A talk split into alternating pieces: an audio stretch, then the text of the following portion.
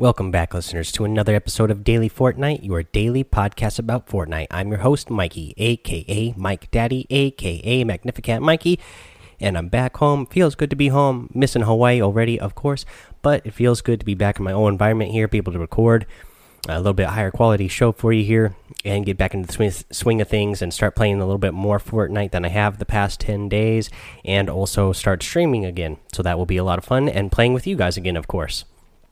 All right, let's get into the show. First thing up is that uh, you can go sign up for the Android beta email to get your invite link uh, when the when your device becomes available. Yesterday, more devices became available uh, for Android for Fortnite to be able to play on.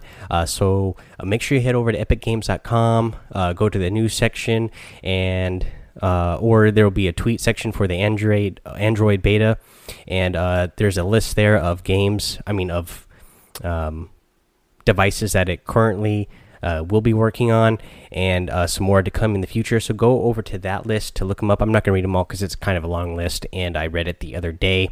So head over there, check it out, and if your device isn't available yet, make sure you sign yourself up for that email invite. That way, when your device does come available, you will know and can download it on your device right away if you're an Android user.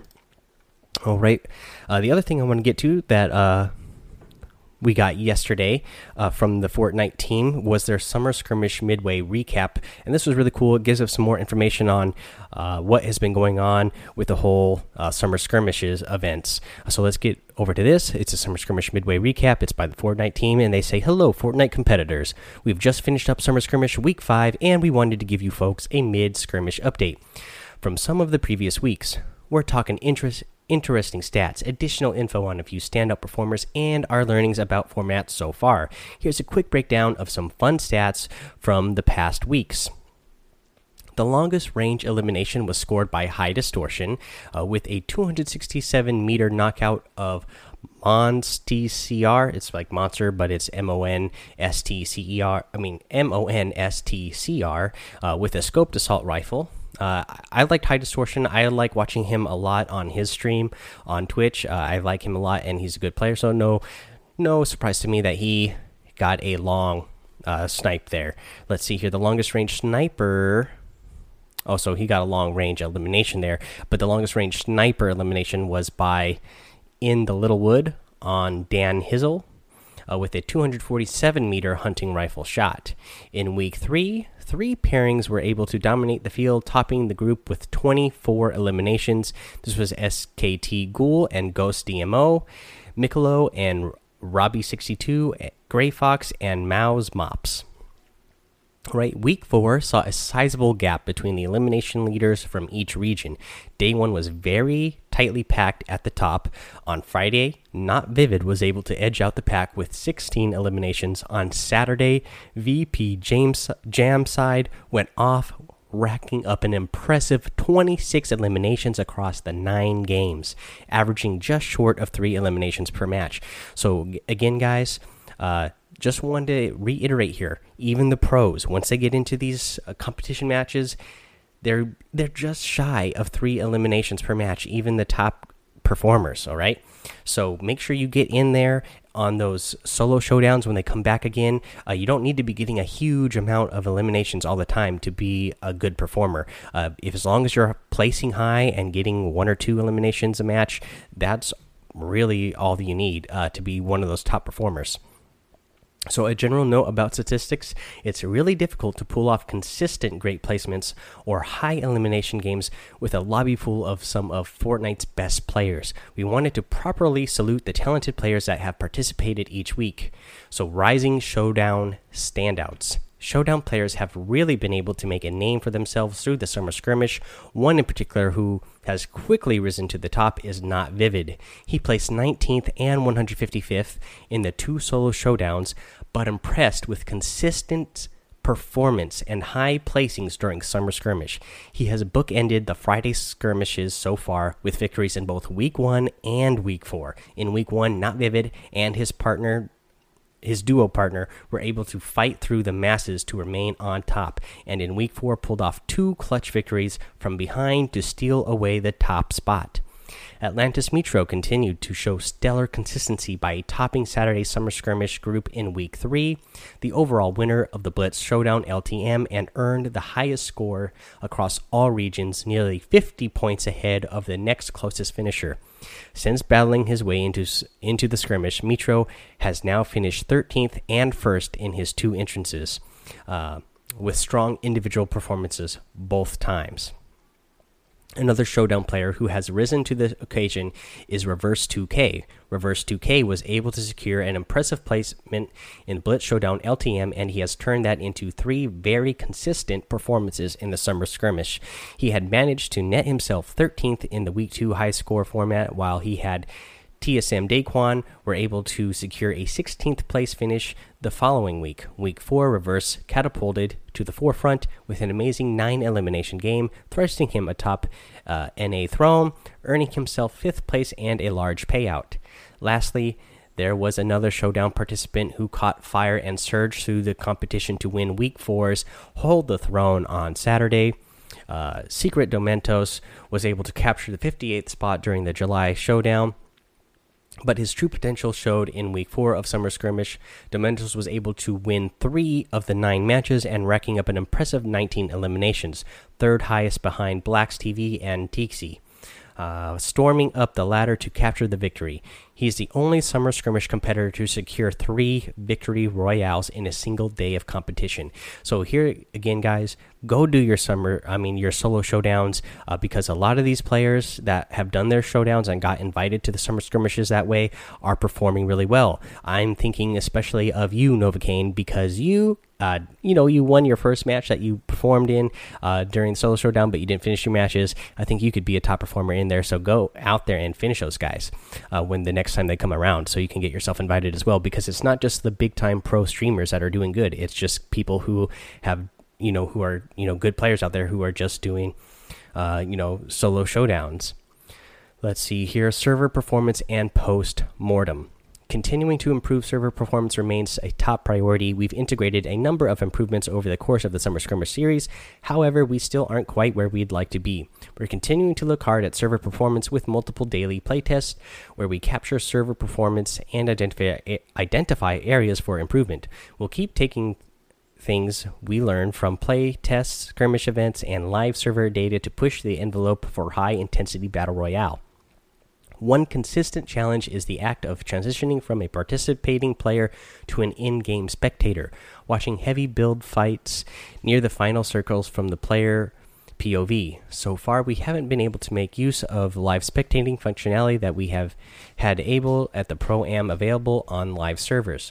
This past weekend was the first time we've have a limited version of Live Spectator tool available on the public servers, and we're excited to begin integrating this into our broadcasts.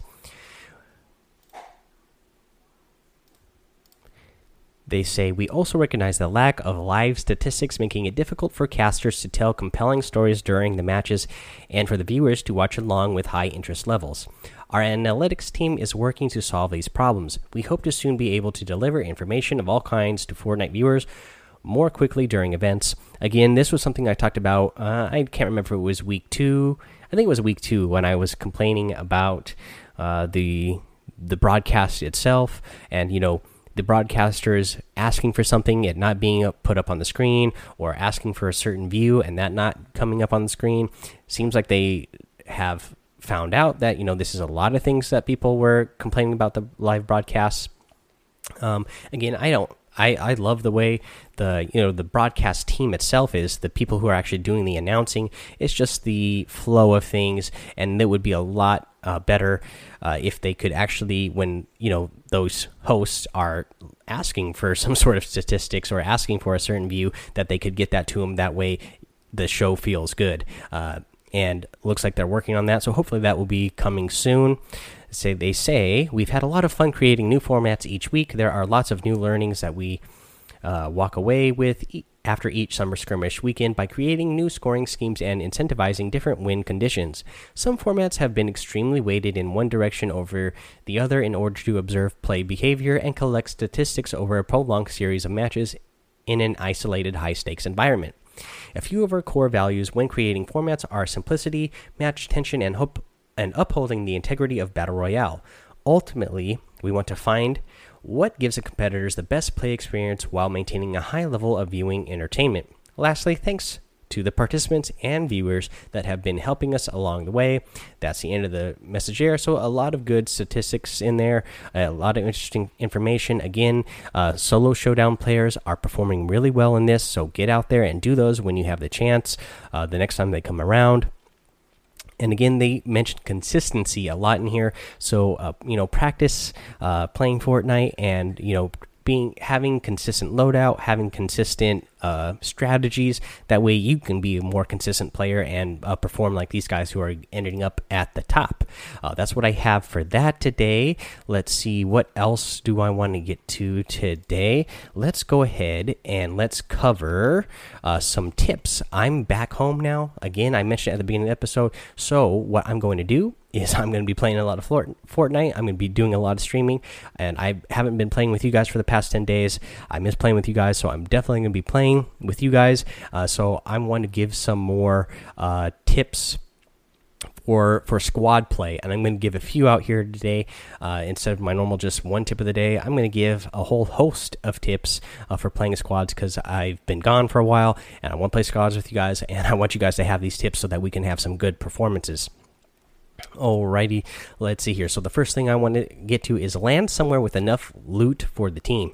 Uh, your your squad can go land somewhere out in the middle of nowhere, and that's great. And somebody, one of you is going to end up with good loot, but not all of you. And then you're all going to be running around hoping that you have a weapon. Uh, find a weapon. Some of you aren't going to have a weapon, and then if you run across a team who's already been uh, you know who's already looted up they're just going to destroy you guys because you're not going to have enough players to uh, have the materials to defend yourself or return fire. So land somewhere with a lot of loot you know bigger cities you know the the named point of interest like tilted salty pleasant paradise uh, the old west town tombstone retail row etc places like that. Don't be landing out in a lot of places where there's not a whole lot of, of material and um, loot for you guys to be grabbing. I mean, even Wailing Woods is a good spot. For one, there's a lot of material there for wood. There's a lot of uh, mushrooms out there to get shield, and then there's a decent amount of weapons uh, in there in that middle maze and some on the outside and some chests out there if those chests spawn. Uh, but you don't want to be landing in a whole lot of places where you're not going to get that sort of stuff. So just be uh, smart about where you're landing.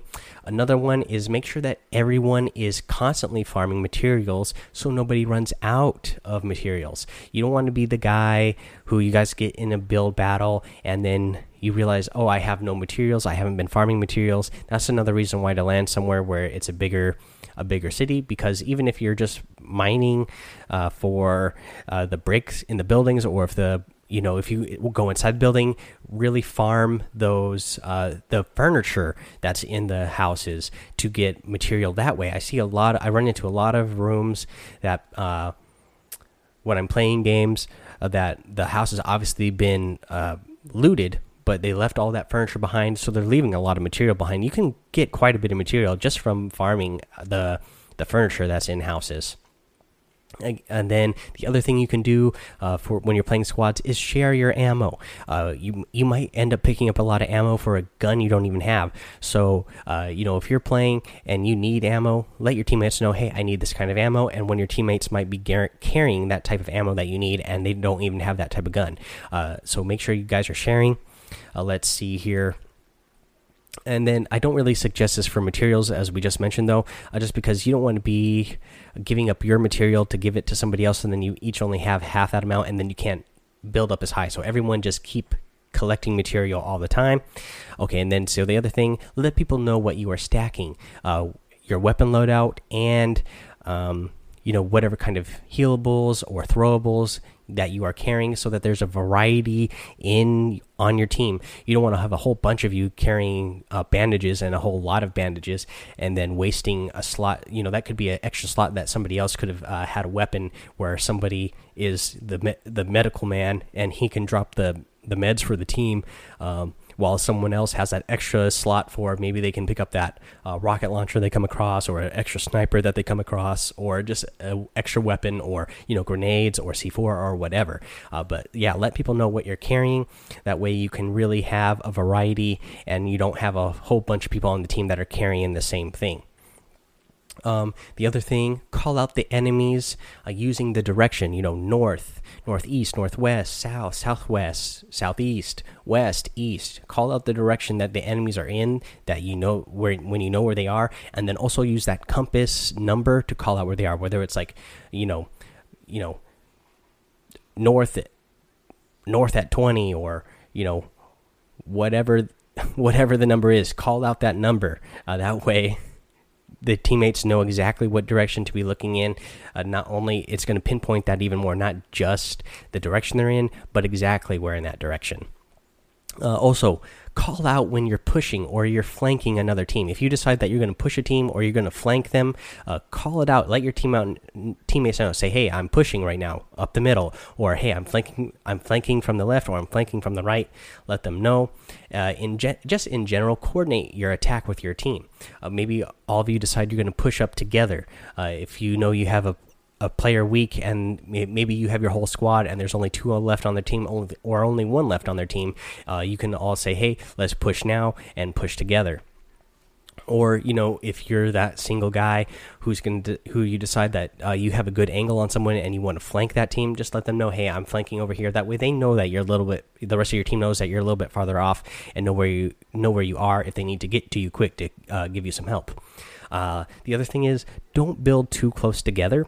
Uh, when you guys build, keep yourselves a couple squares away from each other. I have found that if you build your forts right on top of each other, you'll end up uh, hearing a lot of noise, and then especially if another team starts pushing, you sometimes it's hard to tell. Like, are you hearing footsteps of your teammate, or are you hearing the footsteps of your enemy? And then you might get the uh, confused with what direction your enemy is actually coming from. So if you guys build a little bit farther away from each other, just a couple of squares away from each other, you'll be able to tell uh, that you'll know when you hear footsteps it's somebody pushing on you. And then you can call out to your teammates say hey there's somebody on me. Everybody can look at where you are at and then go over there and help you. And then if that person happens to take you out uh, they're not going to take out multiple of you at one time uh, because you guys will be spread out let's see here. And this in general yeah just communicate with your team. That is the utmost important is to communicate with your team. And then the other thing that is the most important is have fun of course. Uh, you know we're playing a game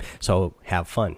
Uh, the other thing i want to mention today is what we have in the item shop. I had didn't do that while i was in hawaii because i didn't really have a good setup to look what was at in the what was in the item shop, but I am back now, so we have the good setup. So let's go over that. Let's see here in the item shop today, we have a few things like in the featured section, we have the Venus Flyer uh, glider. You get the fly trap skin, you get the tendril harvesting tool, you get the global axe harvesting tool, you get the Leviathan skin, you get the planetary globe glider and you get the there is a battle pass tier. You know, you get those uh, ten battle pass tiers uh, for uh, 900 V bucks. Those are really good if you you know are in a hurry to uh, you know tier up, which I don't really think is that great of a thing anymore, especially now that you have an extended amount of time to do your challenges and play and get your rewards uh, from previous, you know, from this from this season now. So I would just go ahead and um, I would skip those. Let's see here what we have in the daily items. In the daily items, we have the squat kick emote, you get the wiggle emote, you get the empire axe, and you get the scarlet defender skin. Uh, I like I like all of those pretty much. So there's some good good some good things in the in the item shop today. I'm a big fan of the Flytrap and Leviathan, both of those. So, uh, you know, if I had the V Bucks, uh, I would definitely be getting those. Okay, let's see here. What else am I going to get to today? Uh, well, I was going to get to iTunes and see if we have any reviews, but my iTunes isn't opening, so I'm not going to go ahead and do that today. But uh, I'll try to figure out what's going on with my iTunes app here and get back to those tomorrow. For now, I will ask you to please support Daily Fortnite for less than you know a cup of coffee a month. So for as little as a dollar a month, you could be supporting Daily Fortnite, helping the show grow. Uh, just head over to Anchor.fm, look up Daily Fortnite, and their listener support will be there uh, you can't do that from within the app. From what I understand, you have to go to you know either be on your desktop web browser or if you're on your mobile, you can still do it from your mobile web browser, but not from within the Anchor uh, app itself. So go to Anchor.fm and then uh, slash Daily Fortnite, and you should be able to uh, find that link there if you want to help support the show and help the uh, show grow if you uh, you know appreciate what we do here for you uh, let's see here i want to remind you to uh, that also rating reviewing and subscribing to the show on itunes helps out a lot. Uh, you know go ahead follow me over on twitch if you want to do that and uh, join the discord server as well.